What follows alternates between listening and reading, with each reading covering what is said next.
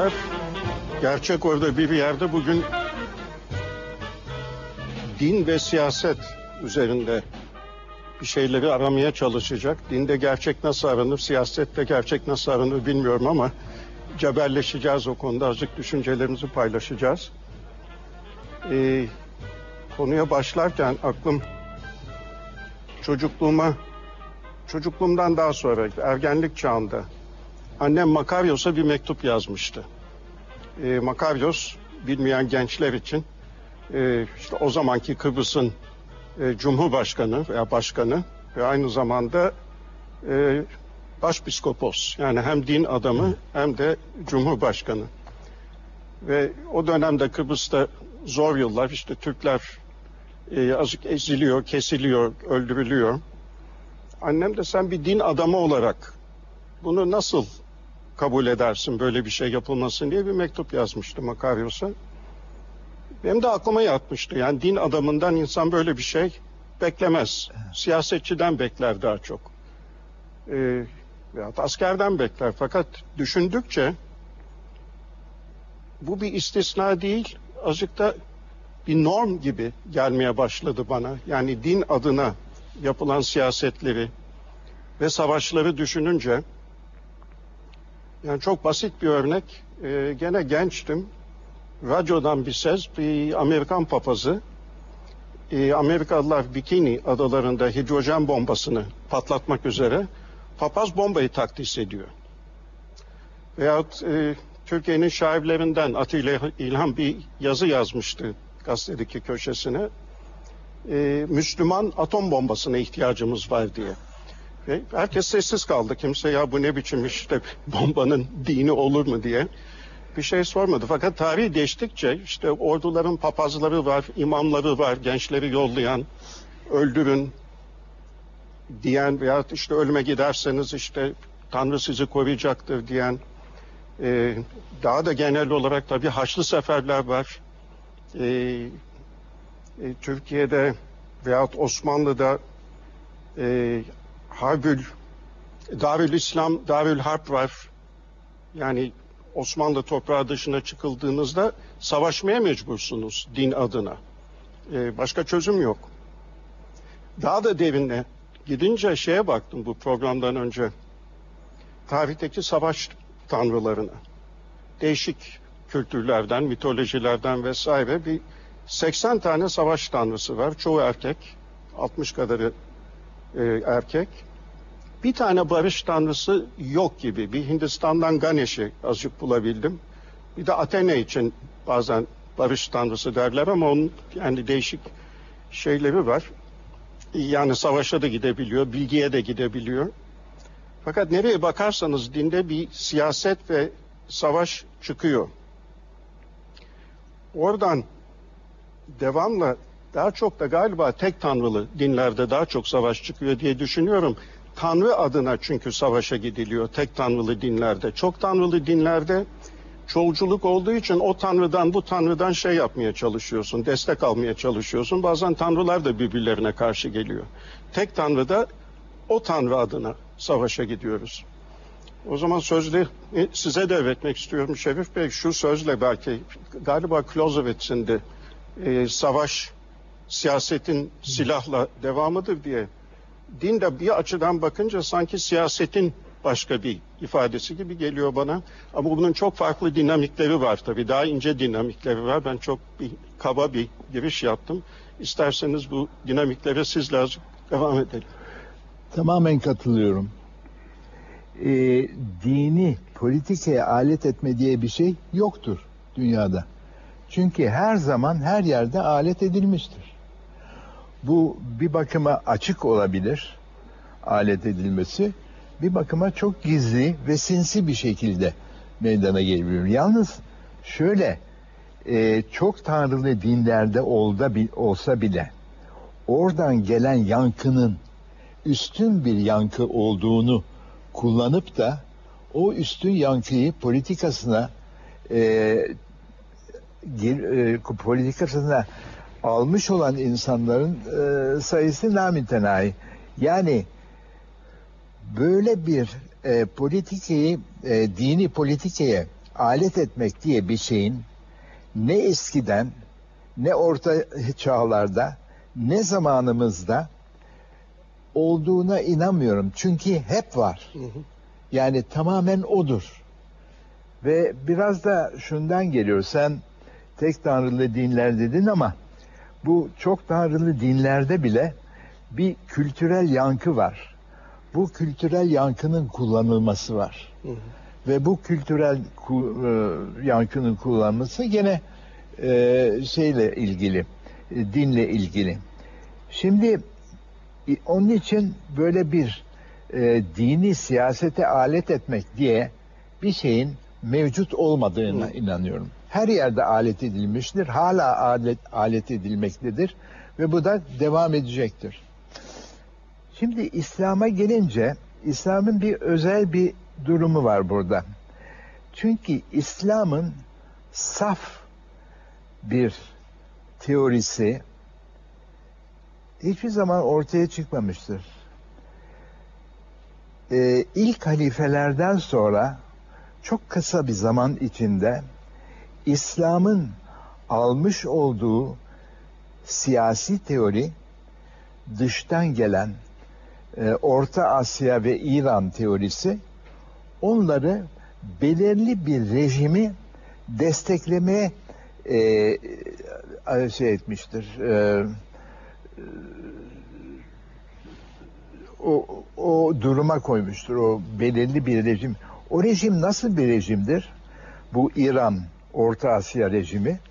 Bu İran Orta Asya rejimi e, bizim bildiğimiz halifelik, efendim Abbasilerin, Emevilerin vesairelerin içine hemen daldıkları bir sistem oluyor. Onun için şöyle daha açık söyleyeyim.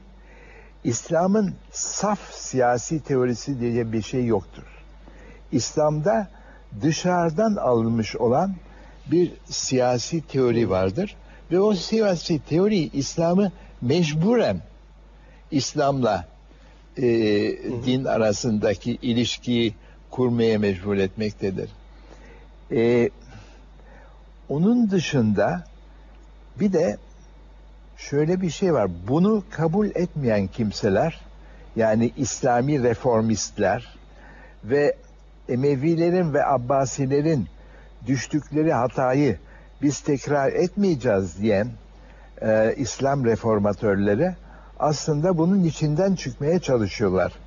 Bütün mesele bu muhtelif e, memleketlerde bu sıralarda görülen cemaatlerin yapmaya çalıştığı şey o Emevi Abbasi modelinin hı hı. içinden çıkıp da e, kendi kendine bir e, siyasi teori icat etmek. Fakat e, bu da çok zor oluyor.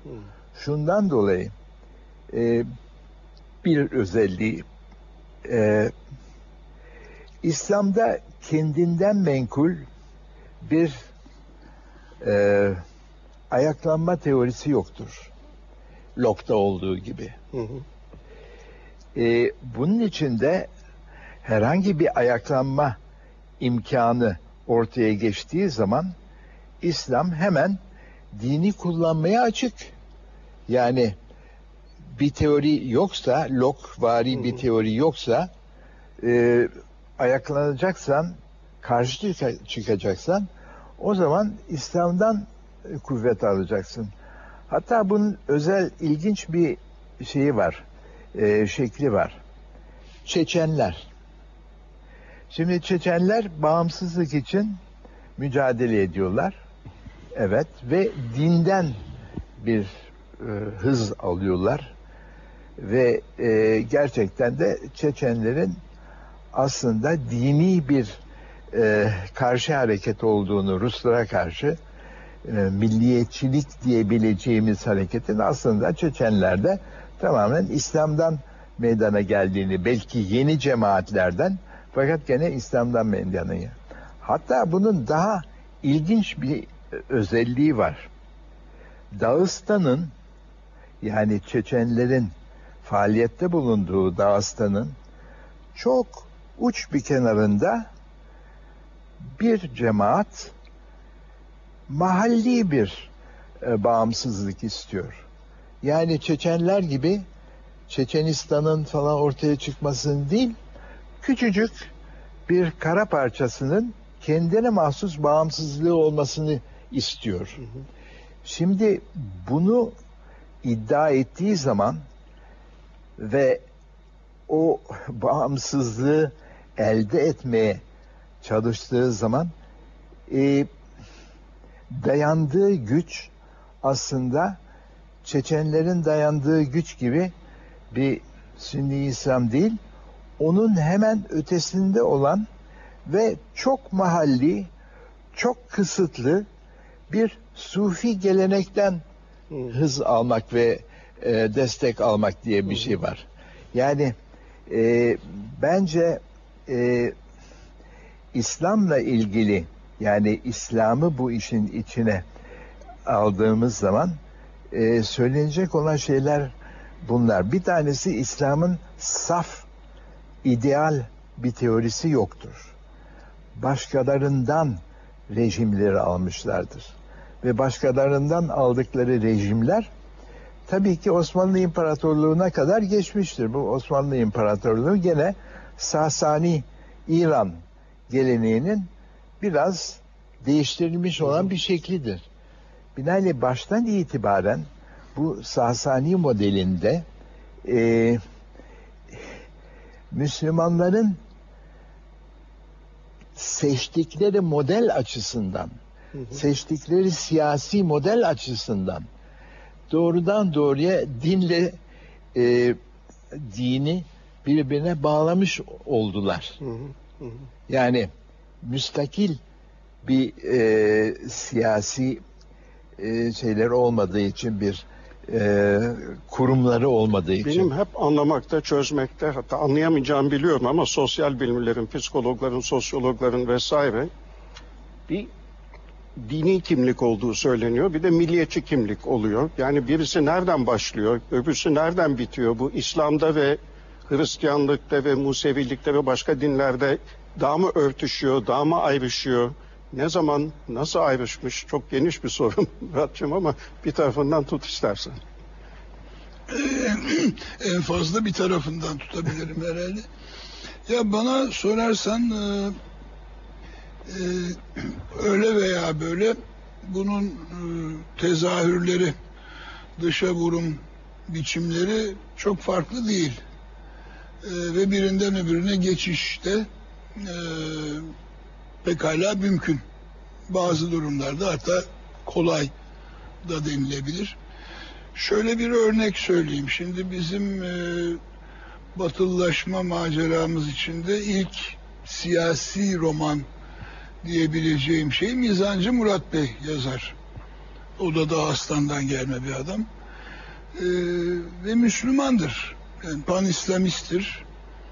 Ee, onun için Ruslara tepkisi vardır. Zaten kendi pan-İslamizmini biraz pan-Slavizme dayanarak yapmıştır falan. Şimdi onun yazdığı bu Turfan'da mı yoksa Turfa mı diye bir roman var. Burada e, Cezayir'den bir adam e, vapura biniyor geliyor İstanbul'a. Çünkü İstanbul e, payitaht da değil ama hilafetin bulunduğu yer. Hı. Müslüman olduğu için geliyor. O adamın e, şeyden gelişi e, Cezayir'den Karadeniz üstünden geliyor.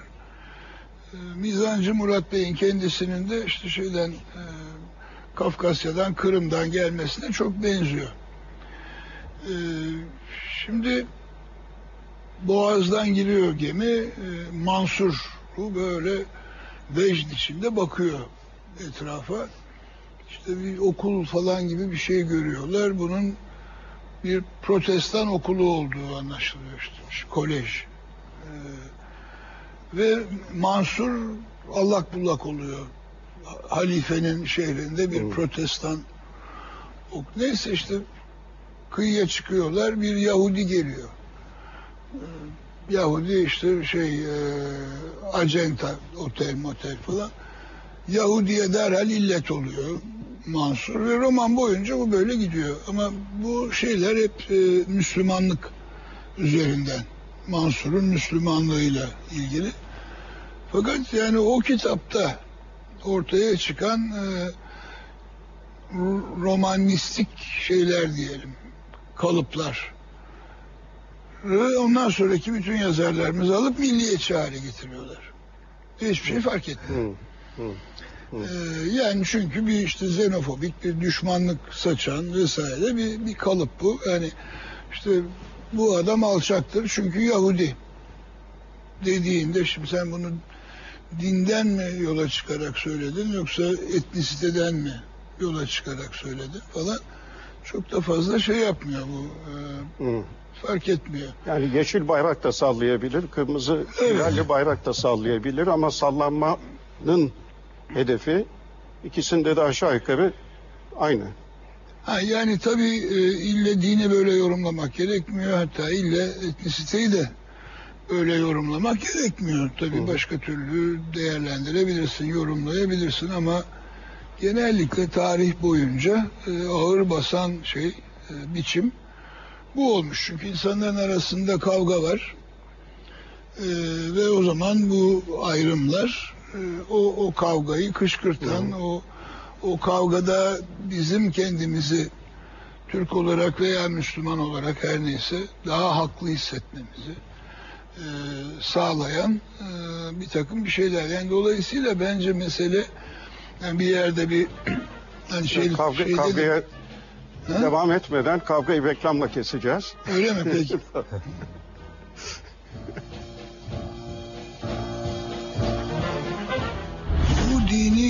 ideolojidir diye böyle tanımlayabileceğimiz başı sonu belli bir şey yok.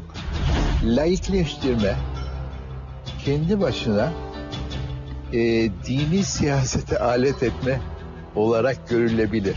Herhalde dinin kendisine yaptığı en büyük kötülük bu dünyada iktidar kurmaya çalışmak. Yani devlet kanalıyla bu dünyada iktidar kurmaya çalışmak.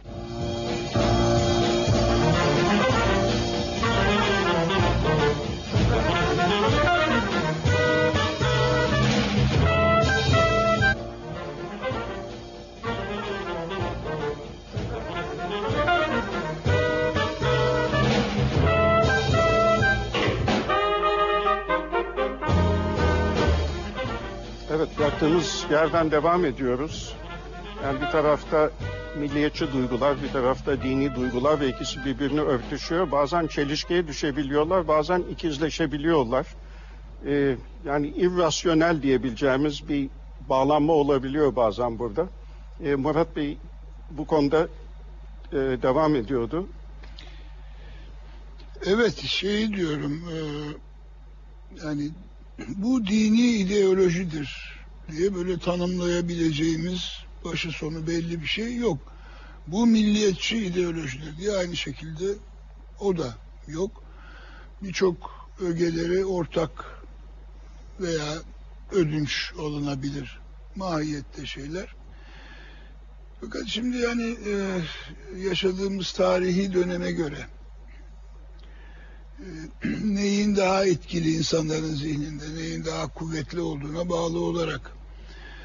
E, Şimdi mesela Orta Çağ'da e, Papa e, Haçlı Seferi dedi, işte kutsal toprakları ve Alman, Norman, e, Çek vesaire insanlar gittiler. Yani orada Hristiyanlık ön plandaydı E, ama şeyi e, etnik unsurlarda o e, ona uyarak e, genel şeyin içinde yer aldılar.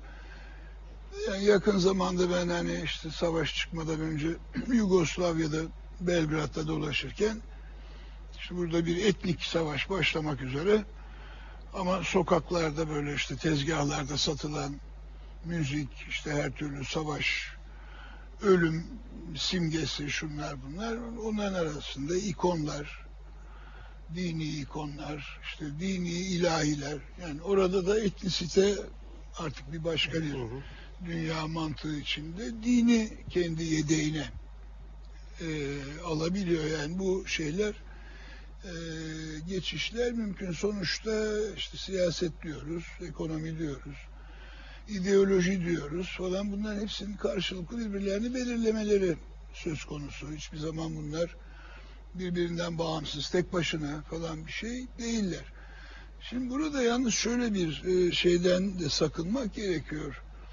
E, biraz bu hani Marksizmin e, bayağı biçimlerinin de dünya düşüncesine getirdiği bir şey. İşte esas maddidir. ideoloji şeydir, bir yansımadır. İşte sen inan hani Haçlı Seferi'nde din için gitmiş. Şey için gitti. Ekonomi için. Ben bakıyorsun ekonomi falan böyle bir şey de yok ortada. Yani yani insanların e, inandıkları ideolojiye inançla ve samimiyetle ve sadakatle yaptıkları şeyler var. Yani ille de o e, bilmem neyin e, sahtekarlığı falan diye öte yandan da yani peki ne oldu yani bu hı hı. din açısından da baktığımızda bu kadar Haçlı Seferi bilmem ne gene ortada e, sıfıra sıfır elde var sıfır olan bir şey de yok ama bunların tabii yan sonuçları var. Yani bütün bunları yapan Papa Haçlı seferleri sona erdiğinde çok daha az prestiji kalmış bir kurum. E, çünkü böyle bir e, başarısızlık. Yani bir sürü bir şey birbirini böyle bir. E, şey yapıyor, tetikliyor. Şerif Bey aklımda şey. şöyle bir şey var, bir tez var. Ee, sizin tepkinizi merak ediyorum. Türkiye ile ilgili. Ya bu İslam kimliğinin ve milliyetçi kimliğin azık örtüşmesiyle ilgili tez şöyle başlıyor. Ee, Türkiye Cumhur e, Kurtuluş Savaşı'nı İslam'la verdi. Cumhuriyeti milliyetçi kimliğiyle kurdu. Ve bu bir süre tek parti döneminde milliyetçi kimliğiyle devam etti. Ee, işte Batı'nın da baskısıyla çok partili sisteme devam ederken partilerin de oya ihtiyacı var. İşte İnönü, İmam Hatip okulları azıcık bir açılma var. E, Menderes'le gene milliyetçi devlet fakat dine kapı daha aralandı. 12 Eylül'le Türk İslam sentezi kuruldu. Evren asker elinde Kur'an-ı Kerim'le dolaştı. Doğramacı YÖK'ün başkanı türban takın, takabilirsiniz dedi. E, ve bugünkü iktidarda bir Türk İslam sentezinin devamı yerine göre azıcık dış politikasında belki azıcık daha İslam, iç politikasında giderek daha milliyetçi. Öyle bir tezim var. Bilmiyorum ne diyorsunuz? Evet. E, yani ben, ben bu teze tabii e, katılırım. Bazı paradokslara bakmak lazım bu söylemle ilgili olarak. Şöyle ki laikleştirme kendi başına e, dini siyasete alet etme olarak görülebilir. Hı. E, ve laikleştirme üzerine gitmenin kendi başına öyle bir etkisi olduğunu sanıyorum. Onun için hani laiktir, değildir vesaire meselesi orada mevzu bahis değil. Hı. Mevzu bahis olan e, neleri kullanıp da nelere varmak istediği ve e, e, layığın varmak istediği durum aslında e, şey temeli olmayan bir durum. Çünkü baştan itibaren hani söylemeye çalıştığım gibi İslam'ın saf bir teorisi ve bilhassa bir siyasi teorisi yok aslında. Hı hı. Ve bu saf teorinin ve saf siyasi teoriden mahzun olma e, şeyini e, durumunu e, bazen çok ağır bir şekilde e, ödüyorlar.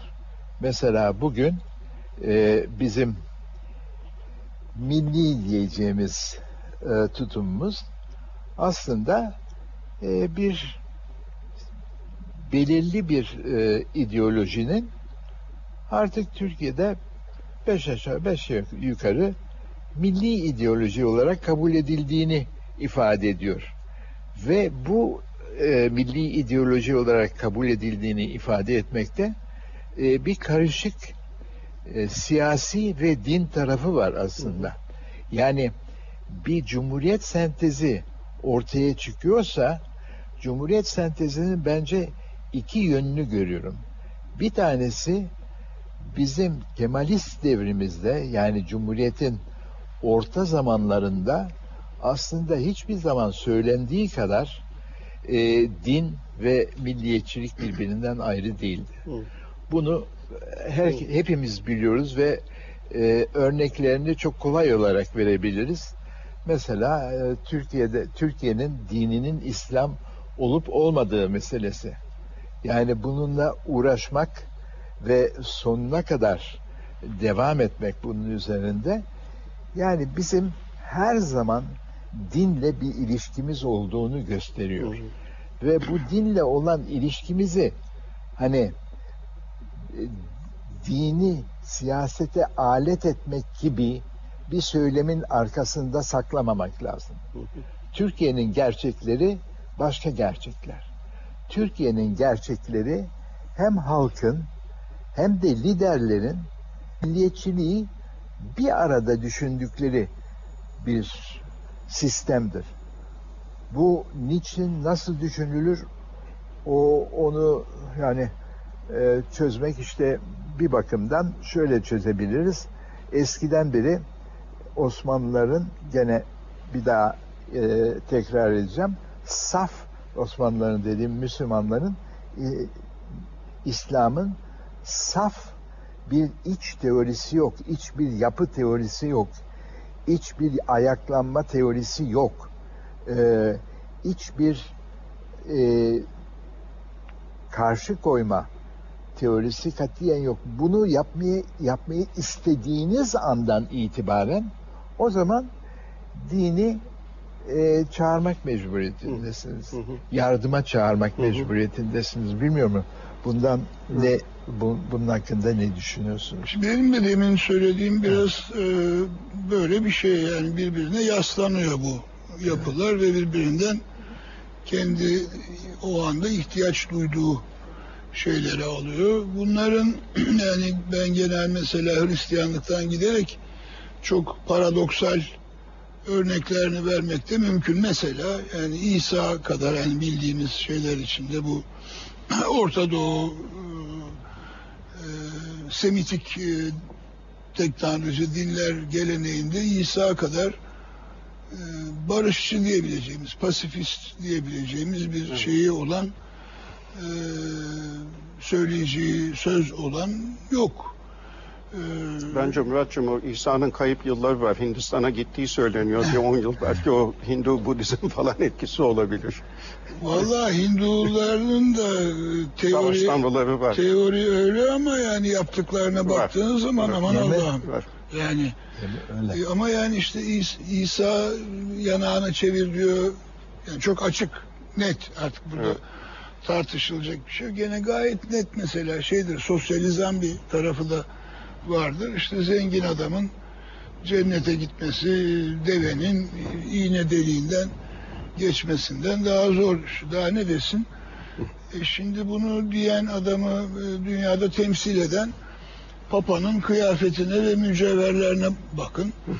Ve işte Papa'nın emriyle Haçlı seferlerine giden e, yüz binlerce adama bakın. Yani tamamen şeyde e, yani kitabi anlamda söylediği şeyin tersini e, bunu nereden çıkartıyor? Yani kitaptan mı çıkartıyor? kitaba bakınca yok bunlar. Demek ki kitap dışında hayat bilgisini hı hı. vesaireye alıyor. Dine monte ediyor. Oluyor pekala da oluyor. Yani. Ve bir daha bir örneği daha var bunun. Biraz paradoksal bir örneği.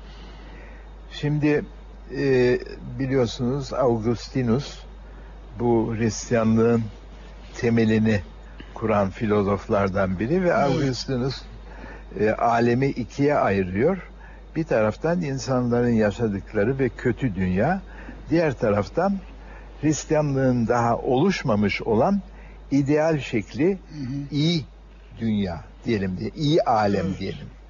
Şimdi bütün bunlara rağmen ve politikayı biz bundan çıkarak kötü dünyanın özelliklerine bağladığımız zaman bu böyle değil.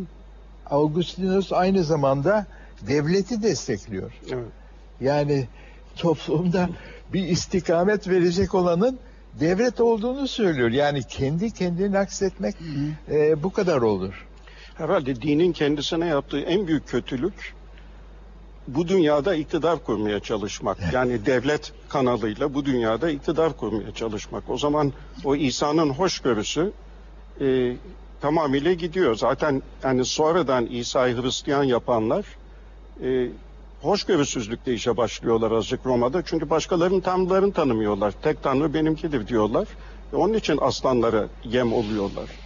E, yani din devlet olunca işte Bizans'ta olur olmaz. Yani başa baş geçer geçmez o mağdurlar ilk önce senin geçen programlardan birinde de bahsettiğin e, Arian şeyi, Aryanlarla e, Ortodokslar arası yani tesis üçlü misa, birli misa kavgası başlıyor. İşte oradan Ortodokslar ve Katolikler kavgası e, Haçlı seferlere giden işte. E, oradan Katoliklerle e, Hugonotların kavgası, Katoliklerle Bogomillerin kavgası, Katarlar ilk Haçlı Sefer, Albengensin Haçlı Seferi Katar'da 11. da- yüzyılda şeye karşı, e, Bogomillere karşı, Katarlara karşı. Yani saymakla bitmiyor ondan sonra hoşgörüsüzlük. Yani Bunu şeriat içinde. yapmayan yok. Hı? Yani Evet. yeryüzünde iktidar kurmak diyorsun. Bunu bunu yapmaya en azından çalışmayan yok. Fransız 3. Cumhuriyeti bile bunu yapıyor. Evet. Yani laik Fransız 3. Cumhuriyeti'nde Dreyfus meselesine bakarsanız Dreyfus meselesinin arkasında Katolik Lisesi'nin bir öc alması var. Nasıl öc alıyor? Bir orada Yahudi olup da e, fonksiyon gören bir subayın üstüne bazı e, şeyleri atarak e, işte bu subay e, bilgi alıyor ve Almanlara satıyor falan diye Hı hı. bir e, söylem uydurarak ama tabii uzun vadede bunun böyle olmadığını ve aslında önemli olan meselenin Katolik Lisesi'nin bir hedef seçmiş olması ve bunun bir Katolik Lisesi'nin bir politikası olduğunu görüyoruz. Yani Dreyfus meselesinin özü aslında antisemitizm değil. O antisemitizmi yaratan e, Katolik Lisesi'nin politikası. Evet. Bu inanılmaz bir şey. Bu Fransa'nın Fransız devrimi Üçüncü- bu üçüncü cumhuriyetinin en layık olduğu bir zamanda Evet, ortaya çıkan bir şey. Evet. Yani bunu yapıştırabiliyorlar oradaki Yahudi subaya. O çok ilginç aslında gibi geliyor. Çünkü e, benim ben bunu şu açıdan ilginç buluyorum. Burada Katolik Lisesi'nin bir intikam alması var.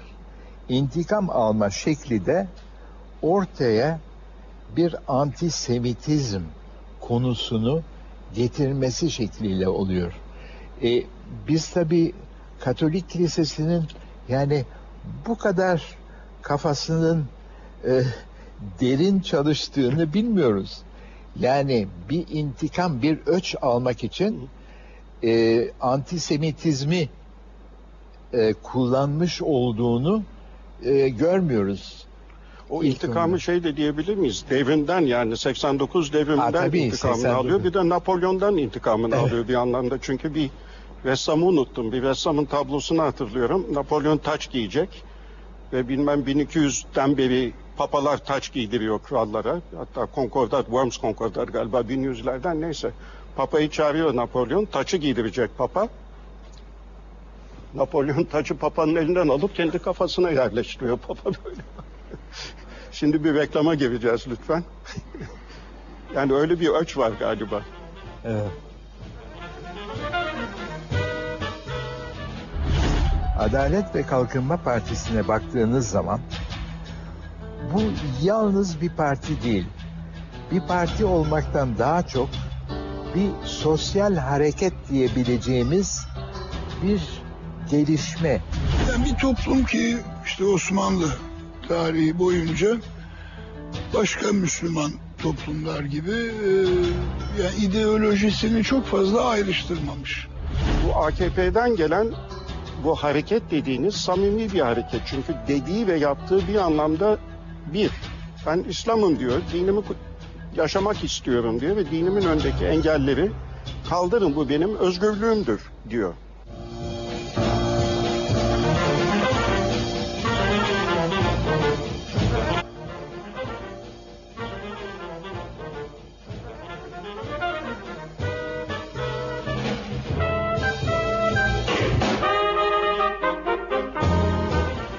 Evet demin arada aramızda sohbet ederken e, Murat düzeltti beni. Yani ilk Napolyon değil papayı azıcık üzen.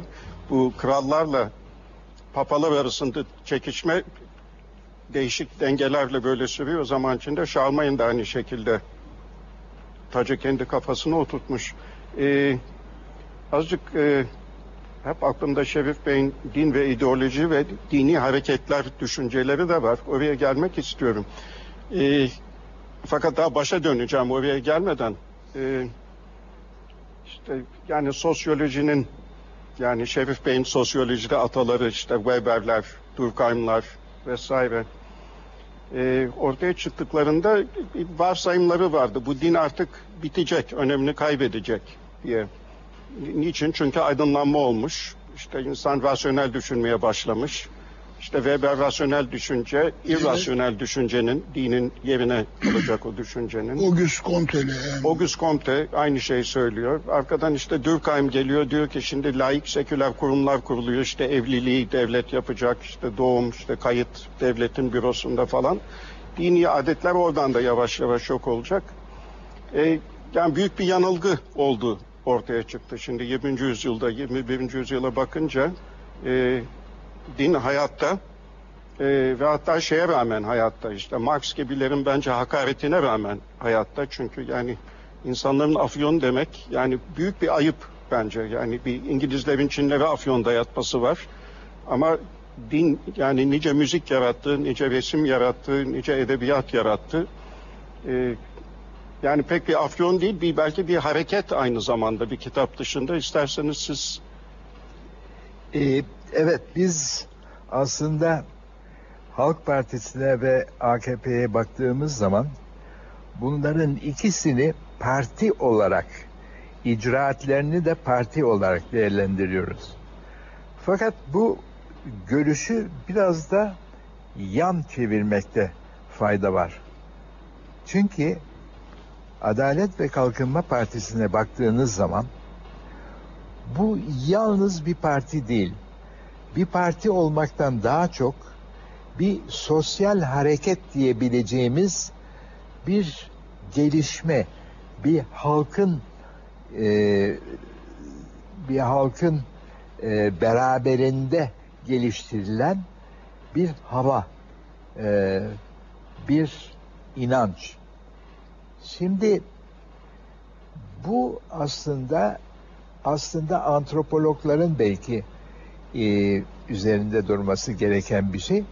Çünkü burada bir kolektif e, bir kolektif kolektivite e, konusunun ortaya çıkması meselesi var. Şimdi Adalet ve Halk Parti e, Adalet ve Kalkınma Partisi'nde o kolektivite, o beraber görme, o beraber hissetme sanki kendiliğinden arkasında iten bir güç varmış gibi ortaya çıkıyor. Şimdi benim çoğu zaman merak ettiğim konu şu. Adalet ve Kalkınma Partisi'nin arkasında olan ve devamlı ona şekil verdiğini, onu ileriye ittiğini, onu dine de bağladığını gördüğümüz bu arka plan e, şeyi nedir? Kolektif inancı nedir? Bu kolektif inancı muhakkak bir çözmek lazım. Çünkü aksi takdirde Adalet ve Kalkınma Partisi'nin Halk Partisi'nden önemli bir farkı ortaya çıkmıyor. O da bir tarafta olan kolektif inanç yani kendiliğinden zorlamadan e, arkasından bir güç geliyormuş gibi bir ileriye gitmesi e, diğer taraftan da yani Halk Partisi'ne baktığımız zaman bir organizasyon meselesi. AK Parti'nin ileriye gitmesi, ileriye kendini e, götürmüş olması aslında bir parti içi organizasyon meselesi değildir. Ben bunu görmüyorum. Aslında bu AK Parti'nin arkasında olan bir kolektif bir itiş var. Yani halka ka- kolayca kabul ettirilebilecek olan çok fazla zahmetsizce kendi arkasına bu rüzgarı alacak olan bir bir cemaat var. Yani orada bir cemaat, öbür tarafta benim tanımladığım şekilde bir cemaat görmüyorum. Yani e, bir cemaat ve cemaatin kolektifliğini görüyorum orada. Hı hı. E, Halk Partisi'nde bu kolektifliğin ortaya çıkarılmasının bir konu bile olduğunu sanmıyorum. Bilmiyorum ne diyorsunuz bugün? Evet. Evet bu yani bir doğru bir tespit bence. Ee, yani ben bunu duyunca yani benim kendi düşüncelerimle kolayca şey yapabiliyor böyle bir önerme bir söz. Ee, şeye bağlıyorum yani şimdi tabii e, hemen sıcağı sıcağına çok ayrıntılı bir analize giremem ama e, yani bir toplum ki işte Osmanlı tarihi boyunca başka Müslüman toplumlar gibi e, yani ideolojisini çok fazla ayrıştırmamış. Yani burada bir seküler ahlak, e, sanatlar mesela batıda e, kendilerini sekülerize edip kilisenin dışına çıktıkları zaman tam kimliklerini bulmuşlardır. Burada böyle bir şey olmamıştır falan. Ee, politika ayrışmamıştır. Yani burada hakikaten politika yapmak dini motivasyonlarla falan. Şimdi bu toplumun geleneksel e, varoluş şeyi ve gerçeklikle ilişki kurma biçimi buyken işte bir sekülerizasyon vesaire bir başka türlü toplum olacağız. Yukarıdan aşağı bir talimatname bir emirname halinde gelince e, toplumun büyük ölçüde bir bakıma yani burada oturuyor adamlar başka bir yere gitmiş değiller ama yani burada bir asıl bir özel bizim oturduğumuz bir yer var. Onlar onun dışında oturuyorlar. Ee, ama artık işte 21. yüzyıla girerken yavaş yavaş o kapılar, rezeler, mezeler aşındı. Bu toplum giriyor içeriye. Hı hı. Ve girerken de yani büyük ölçüde hala kafasında o eski yani değeri teşkil eden Evet. o ideoloji ama o şurasından burasından yeni bizim hayatımıza karışmış bir sürü şeyle de iç içe ama geliyorlar içeriye geliyorlar yani şimdi Halk Partisi ve AKP diye bir e, analojiden daha doğrusu bir şeyden öncülden e, yola çıktığımızda e, şey e, yani Halk Partisi o yani içeride şey gibi bizim eskiden hani vapura bindiğimizde birinci mevkiye bi- binerdik tabii ama o da yetmezdi. Lükse giderdik. Bir 25 kuruş daha verir lükste otururduk. Yani o lüksü yaratan aslında Halk Partisi politikalarıdır. Ve orada da o ekip gider gelir. Hepsi birbirini tanır falan böyle. Öbürleri ikinci mevki falan yani vapurun bir takım başka bizim görmediğimiz Şunu sorayım. yerlerinde otururlar. Şunu Onlar sorayım geliyorlar. ikinize. Şunu sorayım ikinize. Yani Cumhuriyet'in yani başından işte son yıllara kadar bir iki yüzlü devlet görüyor musunuz? Çünkü devlet hem ben laikim diyor. Ee, dinle bulaşmam diyor. Fakat aynı zamanda e, bütün topladığı vergiler e, Diyanet işlerine gidiyor ve Diyanet işleri sade Sünnilerle ilgili camileri yaptırtıyor, imamların maaşını ödüyor falan. Bu devletin başka vatandaşları da var. Onlar bu işin dışında ama gene ben layıkım diyor. E, birisi gömülmek istiyor. Herhangi bir dine ait olmayabilir.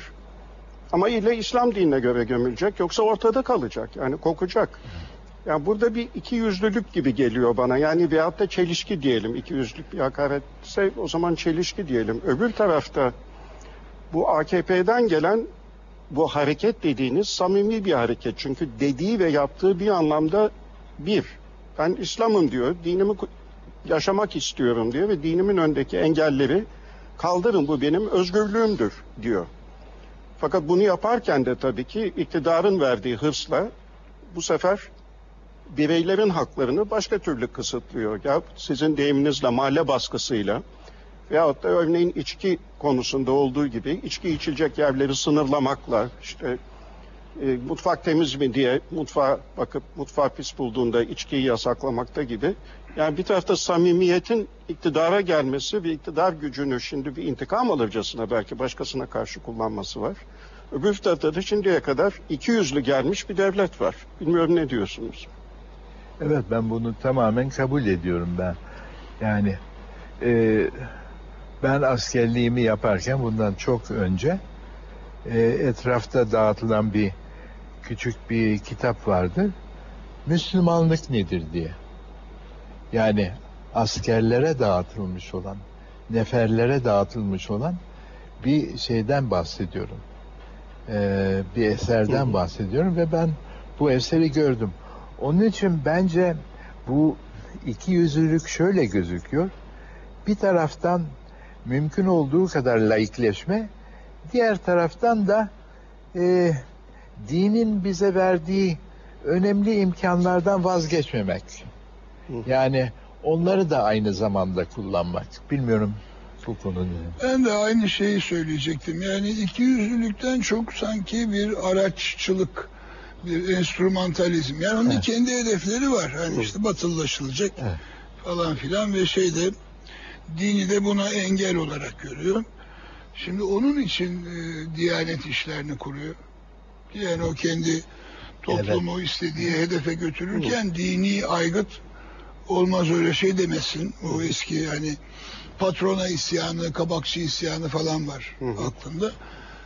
E, e, şeyi kurunca Diyanet işlerini oradaki o hocalar hocalar tabii ki Sünnilerle ilgilenecekler. Çünkü onların dünya görüşlerinde başka bir şey yok. Bu da devleti çok fazla rahatsız etmiyor çünkü onun da derdi Sünnilerle yani Ermeniler ya da Aleviler kalkıp gelip bir şey yapacak değiller. Onları unutabiliriz. Yeter ki bu adamları işte verelim maaşları bunlar da bu Sünnileri şey yapmasın. e, sokağa dökülmesini engellesin. Ayrıca da yani daha böyle şey tek tek e, örneklerle başı sıkıştığı zaman nasıl dinden Evet. e, şey yani işte e, askerle ilgili bir şeyler ortaya çıkarıldığı zaman Genelkurmay Başkanı kalkıp e, Allah Allah diye savaşan bir orduya nasıl bunu söylersiniz falan işte böyle bir şey oradan gelebiliyor. Yani bir e, iki yüzlülükten çok bir şey var. Bir e, iki kimliklilik Hı. Evet. gibi. Yani kendi içinde daha şeyi kuramamış. E, dengesini kuramamış bir e, çifte kimlik durumu var. Ve bu badireyi geçirebilmek için oradan hareket etmek lazım. Evet. Peki şimdi bir tek kimliğe doğru bir gidiş var mı ve bunun içinde yani iktidarla birlikte tabii bir demin hareket dediniz. Bir Fethullah hareketi diye bir hareket de var tabii Türkiye'de ama sadece bu İslam'da olan değil başka dinlerde de aslında hareketler olmuş. Evet. Ee, o da galiba iki kimlikli bir anlamda. Yani bir milliyetçi kimliği var bu hareketin. Ee, özellikle Rusya'da mesela kurduğu okullar duyduğuma göre daha çok hatta gördüm bir okulda daha çok bir Türk kimliği. E, Türkiye'de sanki daha bir İslami kimlik söz konusu.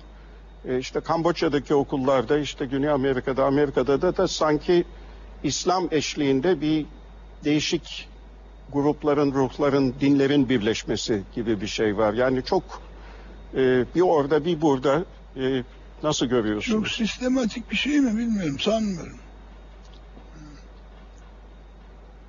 Evet. Ee, bence de sistematik bir şey değil aslında. Yani kendi elde ettiklerini biraz da daha geliştirerek bu demin konuştuğumuz e, Cumhuriyet politikasına da benziyor. İlave edelim Hı hı. e, yaptıklarımıza. Şimdilik bizim işimize yarıyor. Onun için ha, ne şekil alırsa alsın bizim ilerlememizi temin ediyorsa, bizim başarımızı temin ediyorsa o yoldan gideceğiz. Hı hı. Ee, yalnız bunun tabii gene de bir teorisini ben bir yerde görmüyorum. Hı hı. Yani bu kendiliğinden olmuş Evet. olan bir şey. Bu kendiliğini, kendiliğindenliği ben çok merak ediyorum. Evet. O kendiliğindenliği iten rüzgar nedir? Ve onun belki de yani araştırılması gerekir. Bu biz bunu tabii bir e, özelliğimiz olarak görüyoruz ama öyle değil. Tabii bir özellik değil. Bu özel bir cemaat kurma tipinde bir pratik. E, bu pratiği bence e, yeter derecede incelemiş değiller Türkiye'de. Hı hı. Yani bunun çok daha dibine inmek lazım ve detaylarına inmek lazım. Çünkü biz bunu işte kültürümüzün bir özelliğidir. Onlar tarafından geliştirilir falan diyoruz ama kültürümüzün bir özelliği dediğimiz zaman bu bir detay anlatışı değil. Ee, bu detay konularında Türkiye'de her zaman vazgeçiyoruz bir araştırma yapmaktan. Yani bir araştırma böyle en genel şekilleriyle ortaya çıksın sonuçları. Daha fazlasını istemiyoruz. Hı hı. Çünkü daha fazlası be- belki bize istemediklerimizi gösterecek. Şimdi de reklam bizi istemiyor galiba.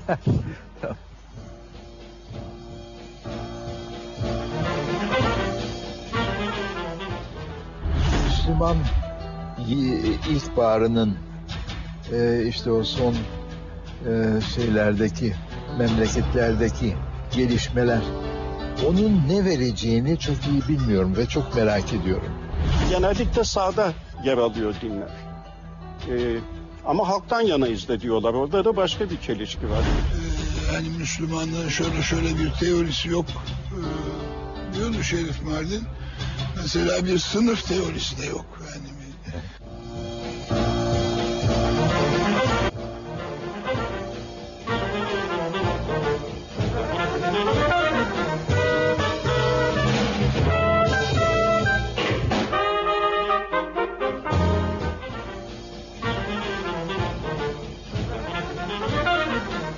Bugünlerde özellikle Avrupa'nın gündeminde olan bir konu da tabii Avrupa'daki İslam.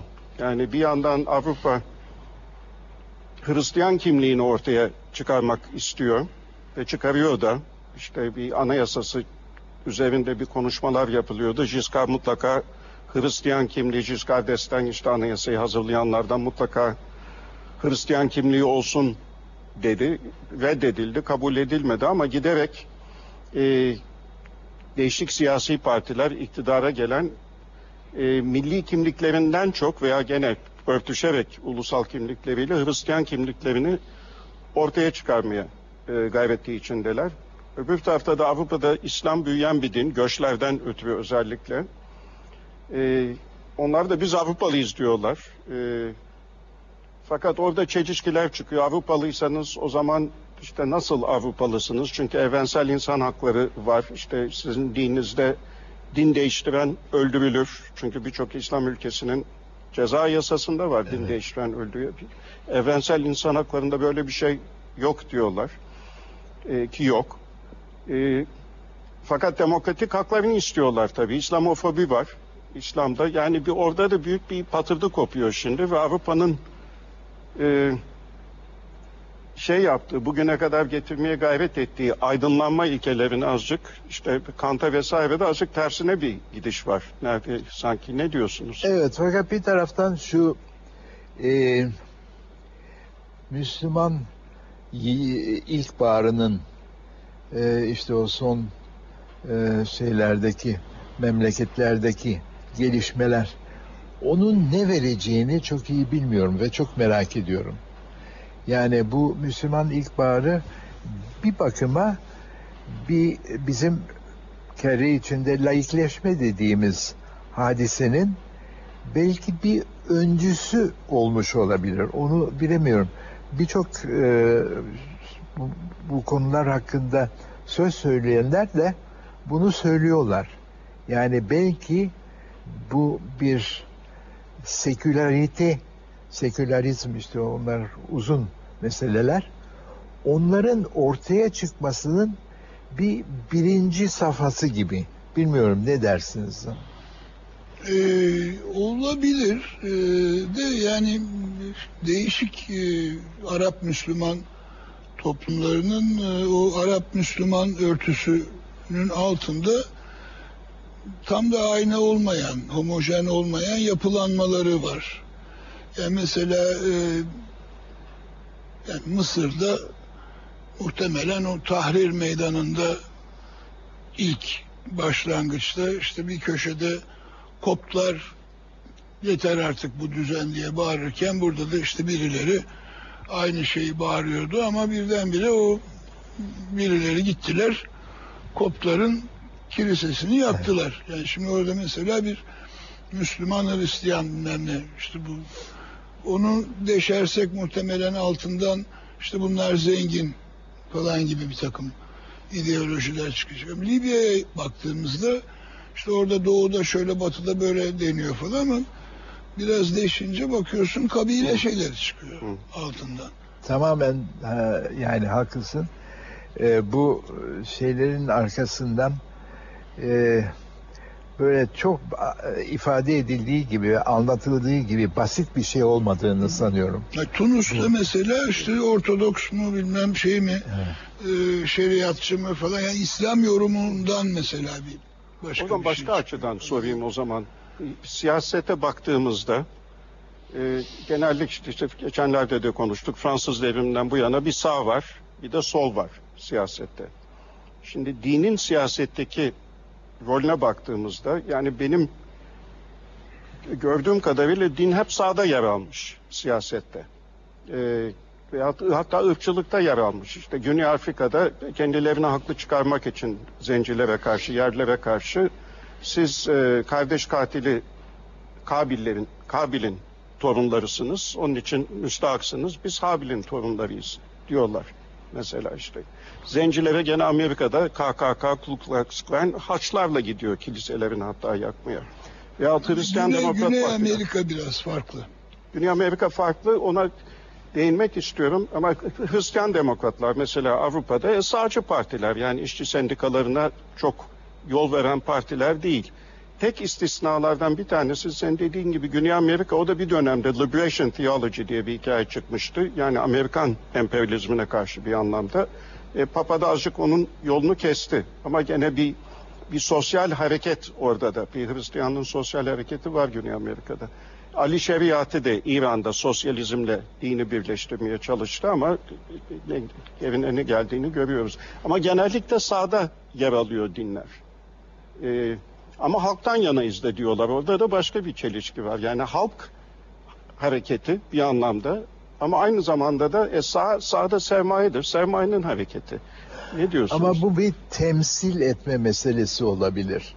Sağın ve solun endüstriyel e, şey gelişmeyi görmüş olan kimselerin temsiliyle bambaşka bunların ötesinde bir temsil ile karşılaştırmak lazım o zaman.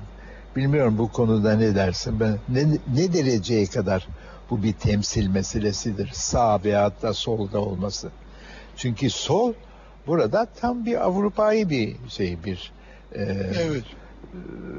kavram. E, peki Avrupa'yı dediğimiz zaman Yani endüstri e, senin e, devriminin ortaya çıkardığı bir kavram. Endüstri devriminin olmadığı bir yerde sol sol olur mu? Onu soruyorum kendime. Ee, yani bunun çok şey net bir cevabı yok bildiğim Evet. kadar. Ee, yani sivil toplumun şeyi var mı, temeli var mı, işte sol e, bir şey mi, bir geçerli bir kavram mı falan bunlar hep sorulabilir. Tabii bunu da biraz şey yapıp e, çok eurosantrik bir şey haline de getirebiliriz. Her şey ancak Avrupa'da vardır, geri kalanı onun taklididir filan Evet. gibi bir şey. Ee, ama e, yani şimdi bu hakikaten Türkiye'de baktığımızda şimdi sol deyince ne bekleriz işte işçi sınıfı vesaire falan diyen bir siyasi hareket işte gider en taban denen şey en tabanı neresiyse oradan başlayarak örgütlenir. E şimdi buradaki sola baktığımız zaman burada böyle bir şey yok ama bakıyoruz Müslümanlar bunu yapabiliyorlar. Bir Evet. Müslüman siyasi Hı hı. bir hareket büyük bir doğallıkla bunu yapıyor ama aynı zamanda onlar şeyin de partisi yani temsil deyince e, işte ne kasabanın en zenginlerinin de şeyi hani arabesk müziği en zenginlerin ve en fakirlerin aynı şekilde beğenip dinlemeleri gibi yani bu kategoriler şeyde e, bizim buralara gelince e, Peki. epey kendine özgü bir mahiyet alıyor. Sol sağ diye bakmayınca şimdi kitlesel hareketler var. Yani sivil toplum örgütleri de var. Sen yakından hatta içinde olduğun bazılarının. Ee, işte çevre kirliliği mesela. Ee, veyahut küresel ısınma mesela. Hiç burada şeyi göremiyorum ben. Yani ne Afrika'da ne Amerika'da ne Güney Amerika'da dinlerin rolünü göremiyorum. Burada kit- kitle örgütleri var. İşte yeşiller var, gençler var. İşte dünyada su kalmayacak diyorlar. Yürüyüşler var. Yani dünyayı, doğayı koruyalım diyorlar. Ama burada ben ne papaz görüyorum, ne imam görüyorum, ne haham görüyorum. Evet. Ee, evet, biz de bunlara dahil olduğumuz derecede e, onlar gibi e, olmaya doğru gidiyoruz belki bilmiyorum. Sen bu konuda ne düşünüyorsun? Benim burada gözlemlediğim bir şey e, gene İslamcılar arasında bu biraz da böyle bir iddia gibi e, yani sol da esasında biziz. Yani Hı. Hmm. dünyada solun işte sol deyince akla gelen değerleri bu memlekette herkesten iyi biz temsil ederiz. Şimdi epey bir zamandır da hani işte Müslüman bir parti iktidarda falan filan.